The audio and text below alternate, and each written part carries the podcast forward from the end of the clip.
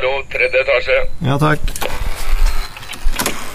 Jeg er på vei opp de bratte trappene i en klassisk bygård i Oslo. Mannen jeg skal møte, har vært kjent for alt annet enn misjon. Men nå skal jeg snakke med Nils Ole Oftebro om broren til hans bestefar, som var misjonær, og som opplevde å bli kastet ut av Det norske misjonsselskap på en måte som har gjort det til en verkebyll for Oftebro-slekta. Ikke minst fordi Christian T. Oftebro døde uforklarlig like etterpå. Dette skjedde i Zululand i det nåværende Sør-Afrika i 1888, omtrent samtidig med at tretrappene jeg går i og denne bygården i Oslo ble bygget. Hallo.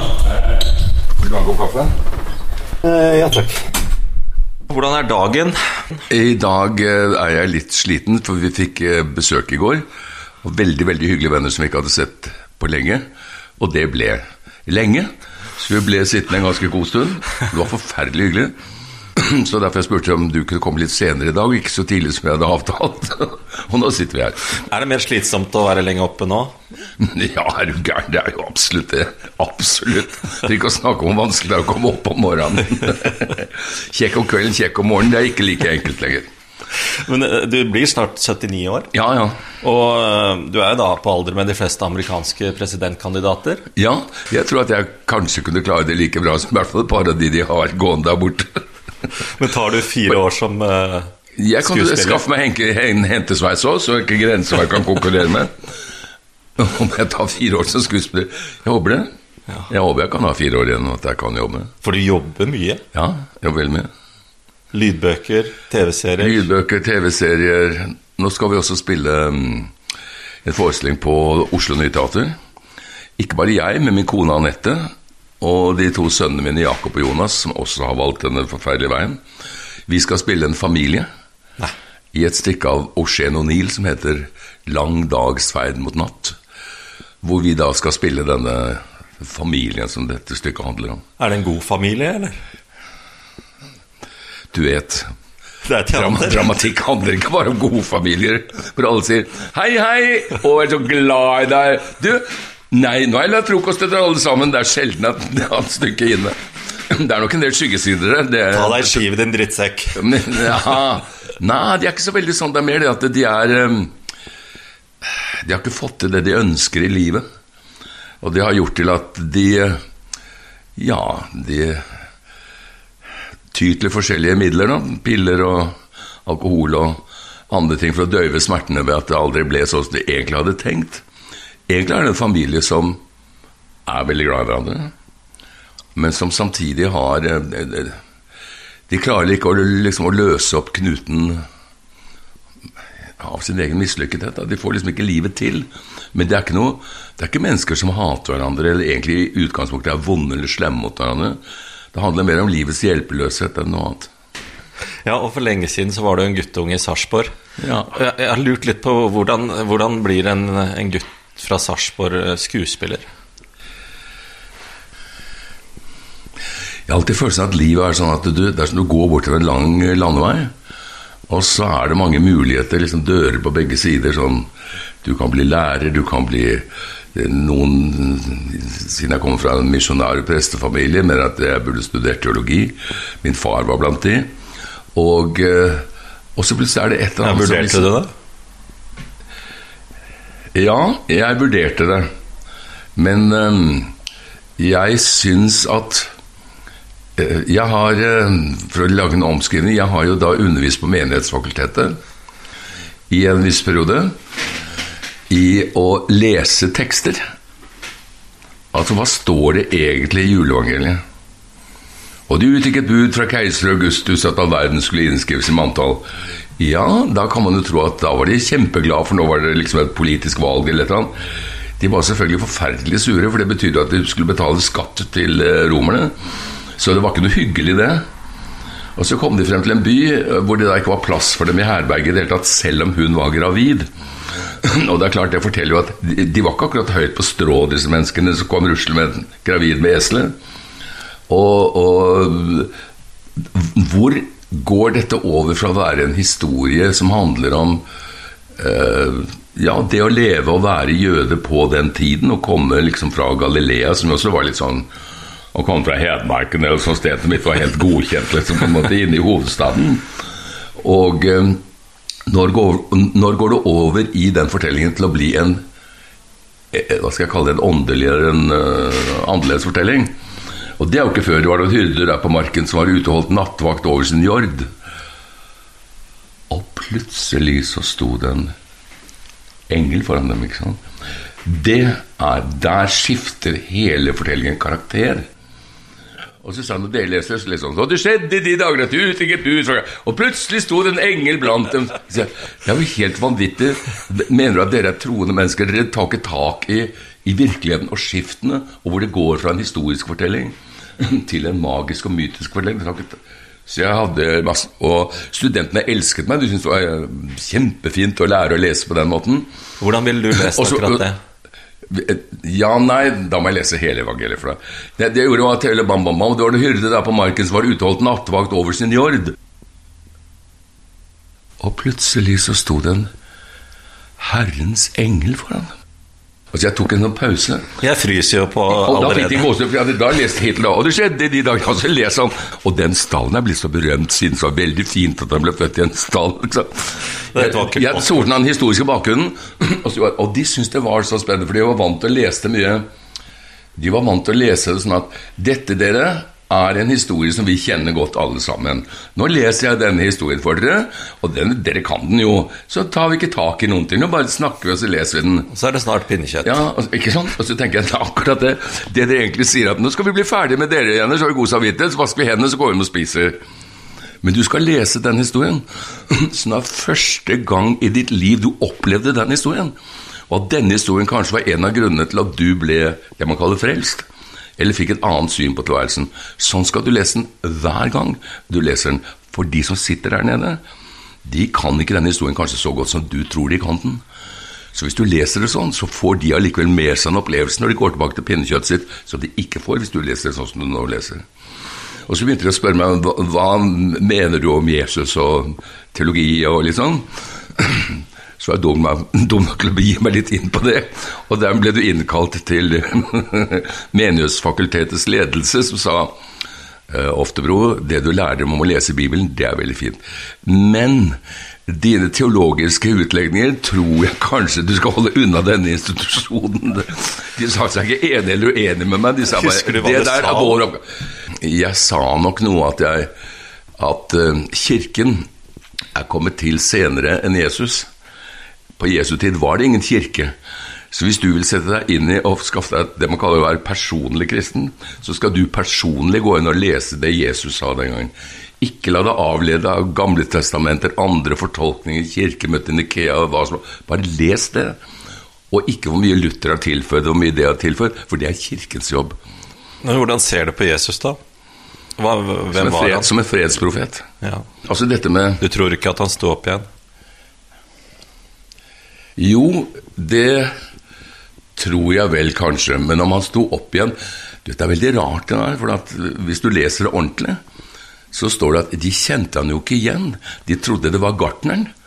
Så jeg, Det er rart at du tror, for du var for for cirka ti timer siden så sto du og gråt liksom med korset når de tok han det, men nå kjenner han ikke igjen. Har han tatt på seg løsnese? Har han tatt på seg et skjegg? Eller hvorfor kjenner du han ikke igjen? Og det samme på vei til Emmaus. Han ga seg til å kjenne for dem. Så jeg tror, ærlig talt, at de både trodde og mente at de hadde sett at Jesus oppsto fra de døde. Og siden jeg mener at det er en god bok, og at det ikke er noen ting i veien for at dette kunne han faktisk ha gjort Altså at det finnes noe etter døden. Og det er helt rolig i forhold til det, for at, som jeg sier, jeg tror.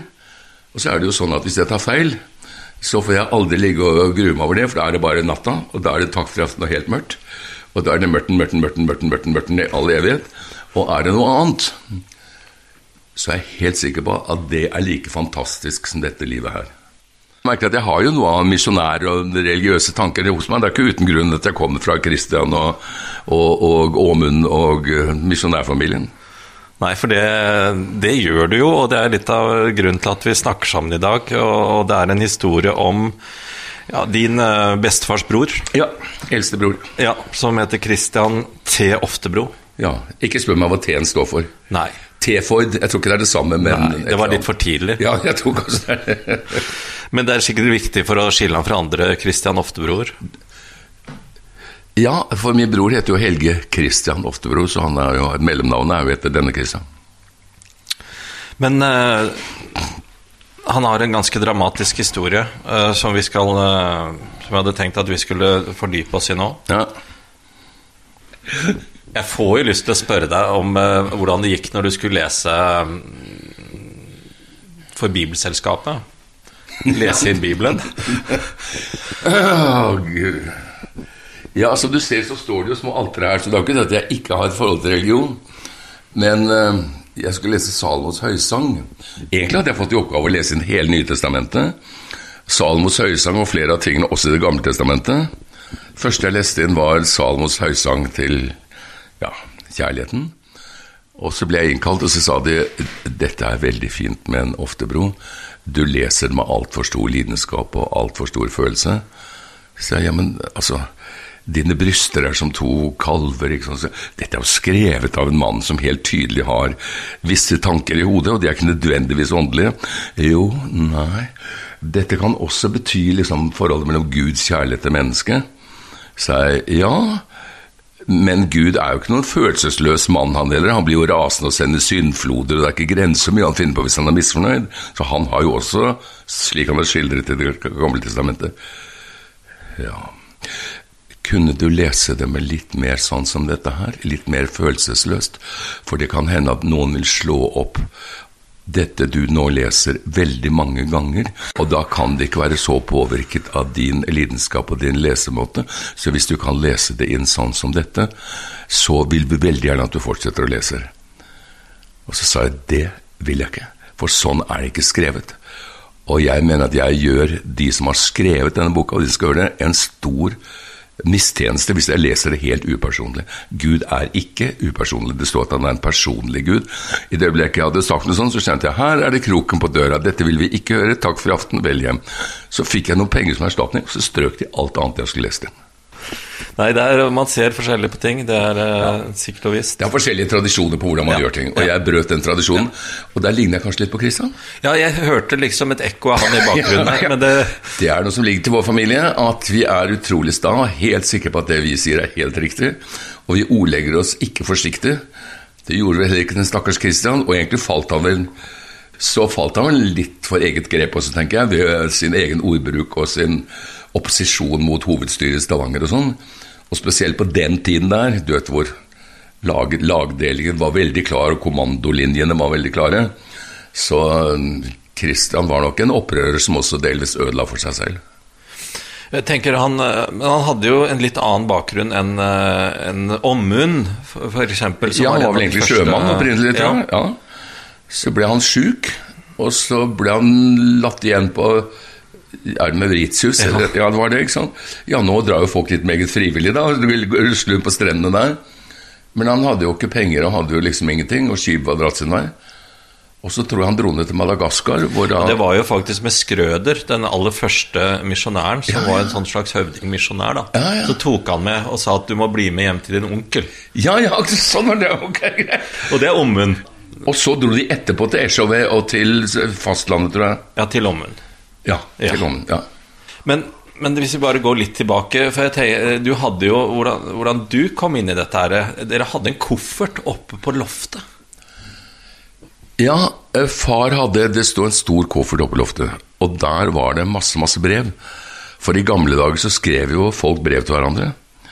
Og veldig mange av de brevene var jo fra, fra, fra Martin, fra Åmund, fra Christian Altså fra misjonærfamilien i, i Afrika.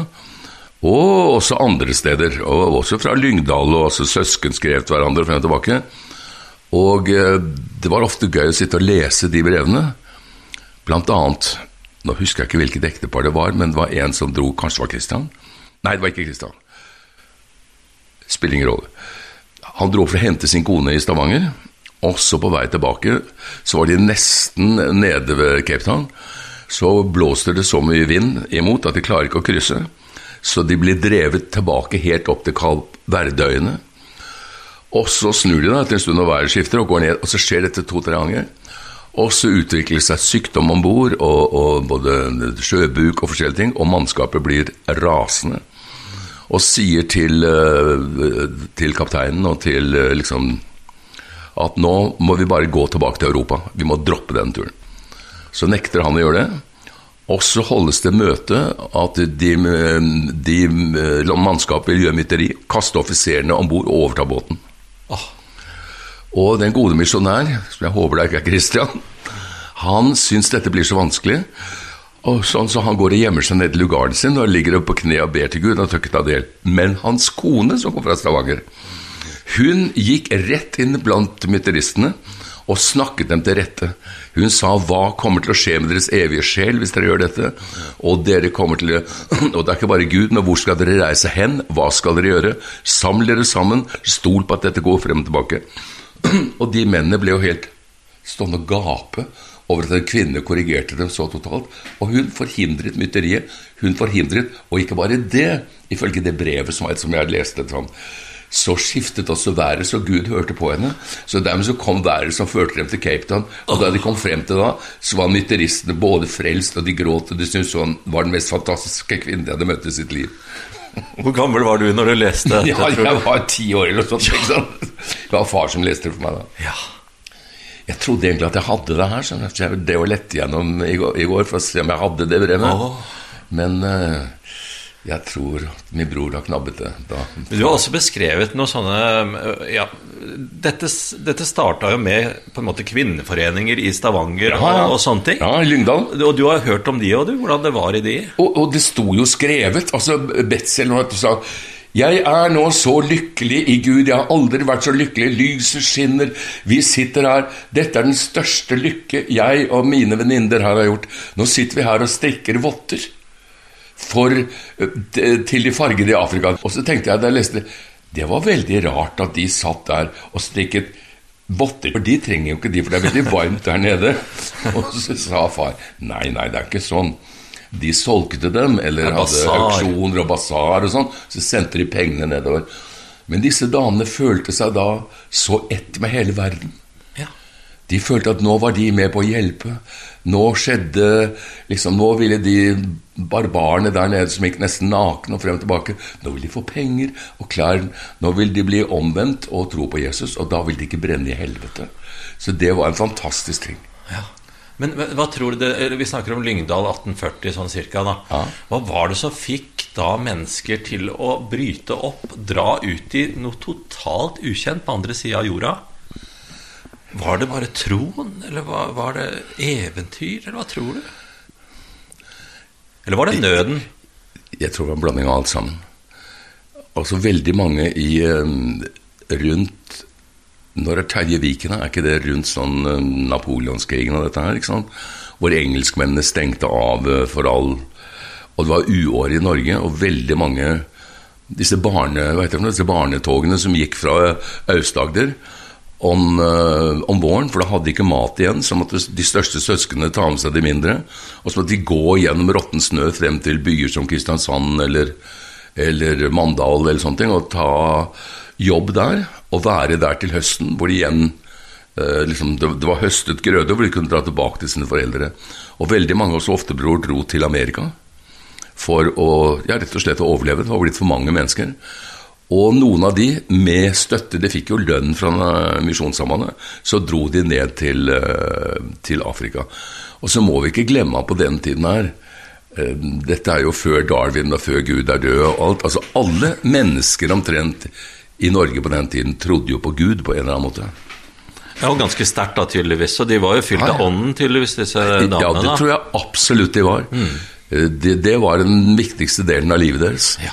Den bestemte over ekteskap, over former, over lojalitet, over nasjonalitet, over alt. Og så var jo alt mye farligere, så man trengte jo Gud på en helt annen måte. Det tror jeg også er riktig. Men eh, det, de legger jo da også ventet de ikke at Ja, det var mange som døde da. ikke sant? De fikk syv søsken, og de, når de var tolv, så var det to igjen. ikke sant? De andre fem var forsvunnet underveis. Så de var jo vant til døden rundt seg på en eller annen måte, og utfordringer og alt. Og trodde at eh, hvis Gud var med dem, så var ikke det så farlig. For du havnet jo ofte, Jeg har tenkt på det når jeg går inn i en katolsk kirke. Så ser jeg opp i taket, så ser jeg en gud eller en eh, Om ikke gud, så i hvert fall en eller annen apostel eller noe sånt. Og så rundt så er det masse små babyer, altså omtrent runde, sånn lubne små babyer med englevinger. Og det er selvfølgelig fordi det er alle de barna som de hadde mistet, de som satt nede i kirken. Så de da fikk anledning til å si Å, neimen se der er lille Martin som døde, han var ett og et halvt år. Se, han sitter ved siden av Gud, han. Fått små vinger på Å, og så er han så blitt så tykk og pen for at vi hadde nesten ikke mat. Han. Så jeg tror det er det som er grunnen til at de der små kirubene som sitter overalt, spiller på instrumenter og gjør sånne ting. Dette er en privat teori igjen, ikke sant? Det... Dette er en privat tolkning igjen. Nå hadde jeg vært kalt inn til Misjonssamband med en gang og sagt hallo det, det. Ofte, brå, dette kan vi ikke ha noe av, disse fortolkningene dine. ikke sant? Stakkars Christian, han har blitt helt glemt i dette her. Han ja, jeg føler at uh, vi, må, vi, må, ta Christian inn i varmen. Han ble jo sendt ut i kulden til de grader. Ja, han ble det. Mm. Og du vet at det å frata et menneske embetet og lønn når du sitter på den andre siden av jorden med en familie, det er en så ubarmhjertig handling. Og spesielt når han da skriver at grunnen til det er at denne arbeidsskolen som da Christian vil opprette, Christian var en så dårlig håndverker, han kunne ikke slå en spiker, han kunne liksom ingenting. Han, eh, så derfor syns han at han skal overhodet ikke lede den skolen, og han fortjener ikke å ha noe mer med dette her å gjøre, så han skal heller han bli oppsagt. Det er en eh, Det var dette bestefar reagerte så voldsomt på. Han kjente jo sin bror, så han kunne skjønne at det kunne oppstå at han kanskje ikke alltid valgte det, det beste ordet, at han kanskje kunne sette ting på spissen. Men derfra, som han sa, til å si han opp etter alt arbeidet han hadde gjort der nede, og forholdet hans til Zulu-høvdingen Han var jo mente mange den som kom nærmest i kontakten med mange av de, de skal vi kalle dem innfødte. Og, ja, det, altså, Du sier at han var lege for Zulu-høvdingen, og da må vi bare spole tilbake litt. fordi han, eh, Først så var han med, med onkelen din da i to-tre år i Afrika, ja. og så fikk han på en måte et kall til å bli misjonær. Ja. Og så reiste han til eh, Fikk han lov til å begynne på Misjonshøgskolen, ja. som det sikkert ikke het da. Ja. Og så var han der i tre-fire år, og så sendte de han videre til England til legeutdanning. Eller Skottland. Faktisk. Det er riktig. Ja, Skottland. Ja. Og så kom han ned da og, og Og var først og fremst lege. Ja. Først og fremst lege, både da for eh, ja, enkelte av de innfødte, skal jeg si, eller de fargede, eller urbefolkninger, eller hva du vil kalle det, men også veldig mye for de hvite. Altså for eh, engelske offiserer, og for handelsmenn, og for eh, misjonærer, og for alle. Og ikke minst for kongen av Zululand. Ja, som ble veldig glad i Kristian, eller veldig, i hvert fall hadde veldig nytte av ham. Ja, han var veldig glad i Kristian. Men zulukongen mente jo at alle andre zuluer enn alle andre zuluer, han eide sin stamme. Han eide dem. Så han kunne drepe dem, eller gjøre, og de skulle handle eksakt som han gjorde. Når mange av dem så ble så begeistret for Kristian fordi han ble eh, fordi han var lege, og fordi han hjalp dem og sånn, så ble han sjalu på Kristian. Eller ikke sjalu, men han opplevde han som en konkurrent. Ja. Fordi han mente at da tilhørte jo de mennene plutselig Kristian, og ikke ham. Ja. Og det kunne han ikke ha noe av. Så ryktene da Kristian døde, det var jo mange. Det ene var at han, ja, at han døde av fortvilelse og behandling fra Norge, at de ble så fattige osv. Han ble jo hjulpet av veldig mange andre hvite som var der nede. Han var ikke den eneste hvite. Og noen mener at han ble forgiftet av en medisinmann eller av en av kongens eh, representanter som opplevde Kristian som så farlig at de ville ikke lenger at han skulle holdes i live. Nå er det jo litt vanskelig å holde i, i tømme her, da, for nå har du røpet slutten på den dramatiske historien. Ja, skal vi se. Men, men la, la, Dette er, spol tilbake. Ja. Dette er det dummeste jeg gjør. Nå har jeg nok en gang fortalt slutten på en god historie. Det er sånn, Når du skal fortelle en vits, så forteller du poenget først. Har du hørt den historien, og så sier du poenget, og så, okay. og så begynner du forfra, så går du ti år tilbake i tid og bruker to timer på å komme til et poeng som du allerede har fortalt. Ja, ja nei, Derfor vil jeg bare spole tilbake og snakke litt om det som jeg, har gjort litt inntrykk på meg. Da. Det er at de reiste ned til Suleland. Ja. Uh, og så har jeg sett for meg at det var liksom søndagsskole. At de satt liksom under treet og lærte opp uh, de svarte i bibelkunnskap og sånn. Ja. Men det var jo ikke sånn. Nei. Altså Midt inn i den perioden hvor Kristian er der, så bryter Zulu-krigen ut. Ja. Og det er brutalt. Enormt. Og de hvite tok helt klart eh, de hvite side. Også Ja, alle, misjonærene. Og det var fordi de mente at de andre var jo brutale barbarer og frem og tilbake. Og, men, og de håpet jo at de skulle klare å Da krigen begynte å bryte ut, så begynte de å misjonere som gale, for de trodde jo at hvis de klarte å omvende dem til Jesus, så ville de i hvert fall ikke brenne i helvete som hedninger. Men problemet var jo at ble de kristne, så ble de drept av zulukongen. Ja, akkurat det. Så de ble drept uansett. ikke sant? Ja, alle skal vi dø, men uh, ja. Så det er klart at Zulukongen gjorde også Det var om å gjøre å vinne hans tillit, på en eller annen måte. Og det var dette da eh, Christian forsøkte å lage en stor farm hvor mange av disse som da eventuelt hadde kommet til å tro på Jesus, kunne være beskyttet og leve inne på dette området som håndverkere, som bønder, som hva som helst, slik at de ikke måtte bo i området hvor Zulukongen hersket, for da kunne han ta livet av dem. Så, og det var jo sjølberging, Ja, på en måte. absolutt. Absolutt. Og, og at han De var jo ikke interessert i kristendommen heller, i utgangspunktet. Så han mente jo at eh, hvis de begynte å jobbe der og se hvordan misjonærene levde og verdiene de hadde og sånn, så, så kunne de bli mer interessert, da.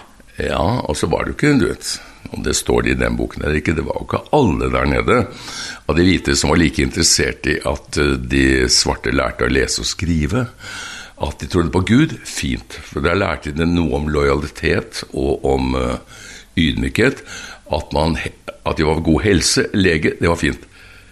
Men å lære dem å lese og skrive var litt farlig, for de skulle jo plukke bomull og jobbe på gårdene liksom, for de hvite.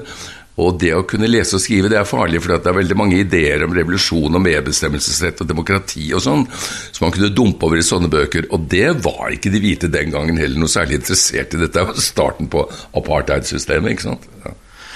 Men Christian var da en, eh, en nytenker, og det som han tenkte ut, var jo da at, at eh, det var lurt å ikke bare drive misjon, men heller berede grunnen ved å drive bistand, kan vi jo si, hvis vi bruker moderne uttrykk, da.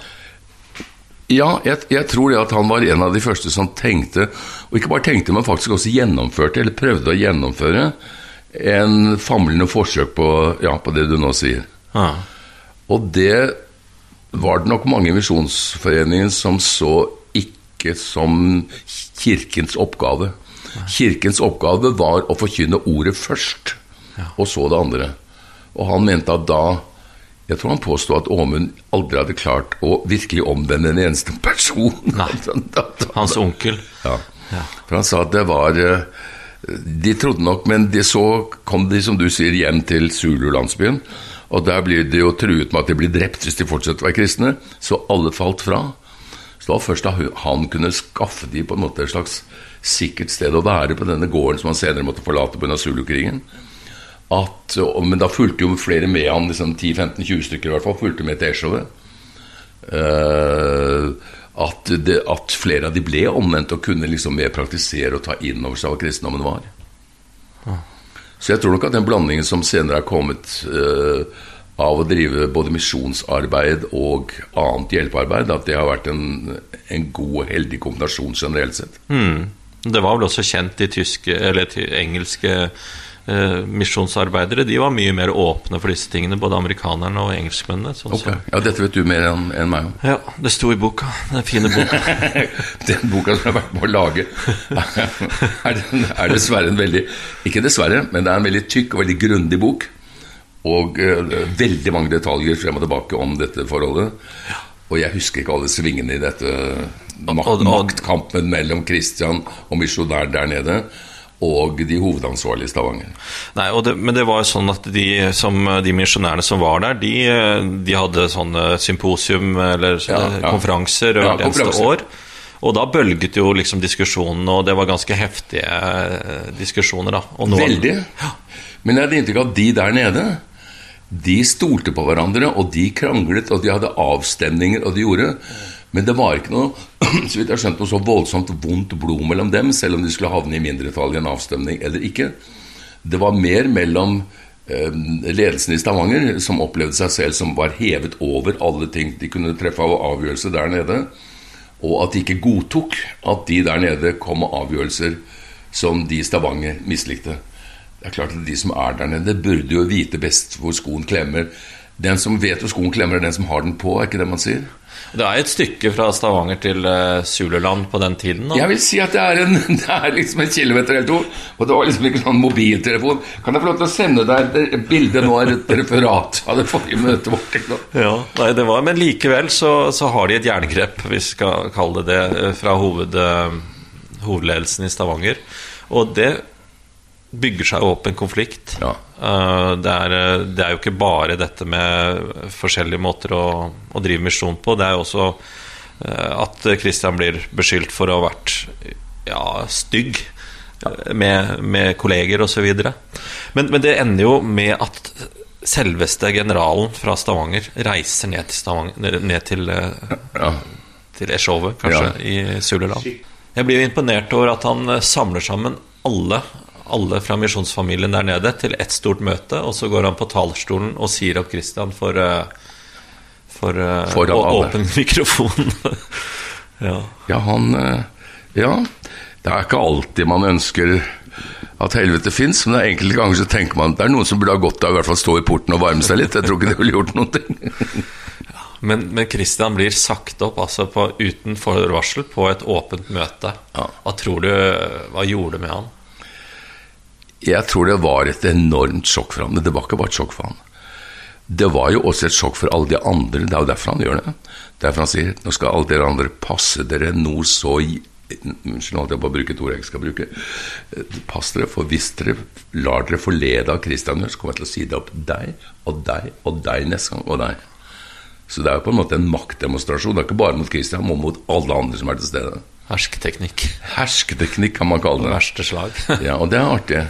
Ja, ja, ja. Ikke du Guds mann, da? Kjærlighet du sprer, og mm, hyggelig det at du kom fra Stavanger så rasende full av kjærlighet, ikke bare av makt. Dette er det som også gjør at jeg har hatt vanskelighet med eventuelt å bli prest.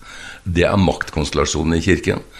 Og dette sånn som jeg ikke fikk lese Bibelen fordi jeg leste en feil, og gjøre det at du ikke får lov til å ha et personlig forhold til det som er et personlig forhold, og at tro er tro. Men noen vet så mye bedre enn deg hele tiden, og det var nok det som da rammet veldig mange av de der nede også i møte med sentrale myndigheter fra Stavanger. Ja. Men eh, det er jo veldig dramatisk, det som skjer eh, med Christian da. For eh, innen fire måneder så er han død. Ja.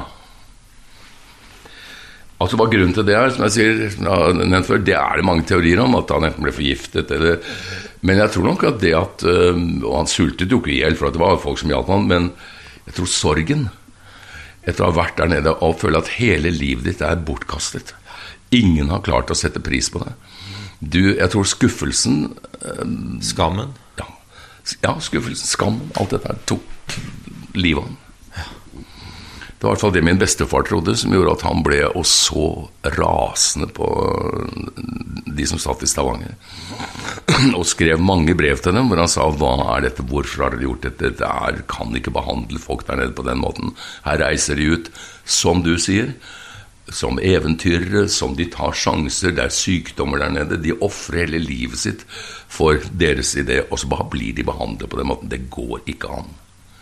Så det er nok noe av det som har ligget som en sånn age i Oftebro-familien i alle disse årene, i 100 år, som gjorde at, at jeg og Torstein, som begynte å snakke om dette her, at han ble så fascinert av dette, og, og nok hadde vært også før han traff meg, absolutt, at han skrev denne boken.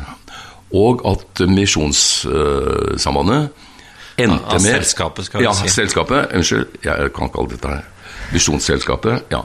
At Misjonsselskapet plutselig ga oss en uforbeholden unnskyldning. Og den kom ikke før i 2010 eller annet sånt.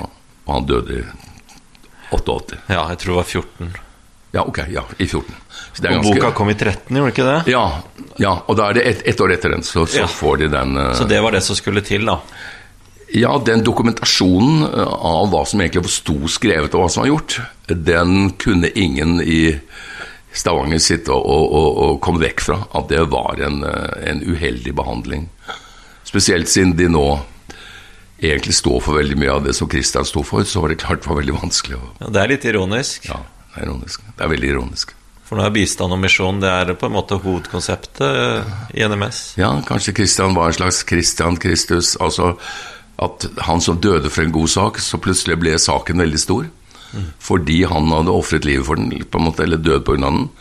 så er det mange som tar den opp og sier hva var grunnen til dette her, og så blir saken såpass stor at den faktisk overtas. Og, og mm.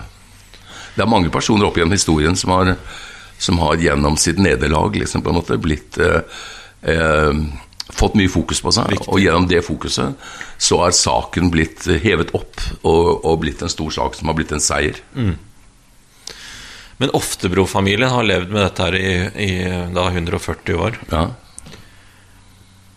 Hva har det gjort med slekta? Dere er jo en utrolig spesiell slekt. ja. For det første er det bare én eh, Det fins bare én. ja i, hele, I hele verden fins det bare en som heter Oftebro. Hva betyr det? Ja, altså Oftebro kommer at det er en, en, en liten bielv til denne elven som renner ned mot Lyngdal, som heter Ofte. Og over den så gikk det en bro. Og den broen den hadde de første Oftebroene, som da ikke het Oftebro, men noe helt annet, hadde som oppgave å holde 100 meter riksvei, og det var den broen som de skulle holde oppe. Og så etter hvert så tok de da navnet etter sitt arbeid, så de kalte seg Oftebro. Ja. Og det er jo tydelig at det er ikke noe vanlig navn, så Nei, og det har jo vært veldig mange Jeg tror også de som bor i Japan etterkommer også etter misjonærer.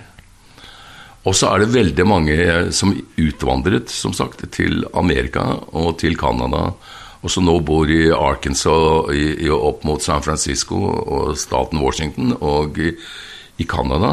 Og dere har hatt Calgary, slektsstevne- Calgary og masse steder. Dere har hatt slektsstevne i Chicago.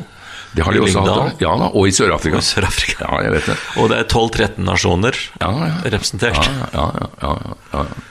Og denne slekta var berørt av denne tragedien med Christian eh, i stor grad. Det var nok en del av historien ja, som, som eh, alle etter hvert lærte om. Har dere fått lufta ut uh, dette nå? Er det agg til misjonen fortsatt? Nei. Nei, det føler jeg ikke. Så det hjalp med en unnskyldning og det å få ting på bordet? Ja, altså, Du kan ikke si- sitte og helt andre mennesker der i dag, ikke sant? og deres arbeid er annerledes. Du kan ikke sitte og være kjempesur på folk som helt uforskyldt Som ikke var født. ja, som ikke var født, ikke deltok i det hele tatt. På, hadde jeg kunnet spa opp igjen han fra som dro ned dit i 1888, så var det noe annen sak. Du, eh, Nils Ole Oftebro, jeg har bare lyst til å si takk jeg, for denne vandringen gjennom både livet ditt og, og, og historien om Christian T. Oftebro. Tusen takk.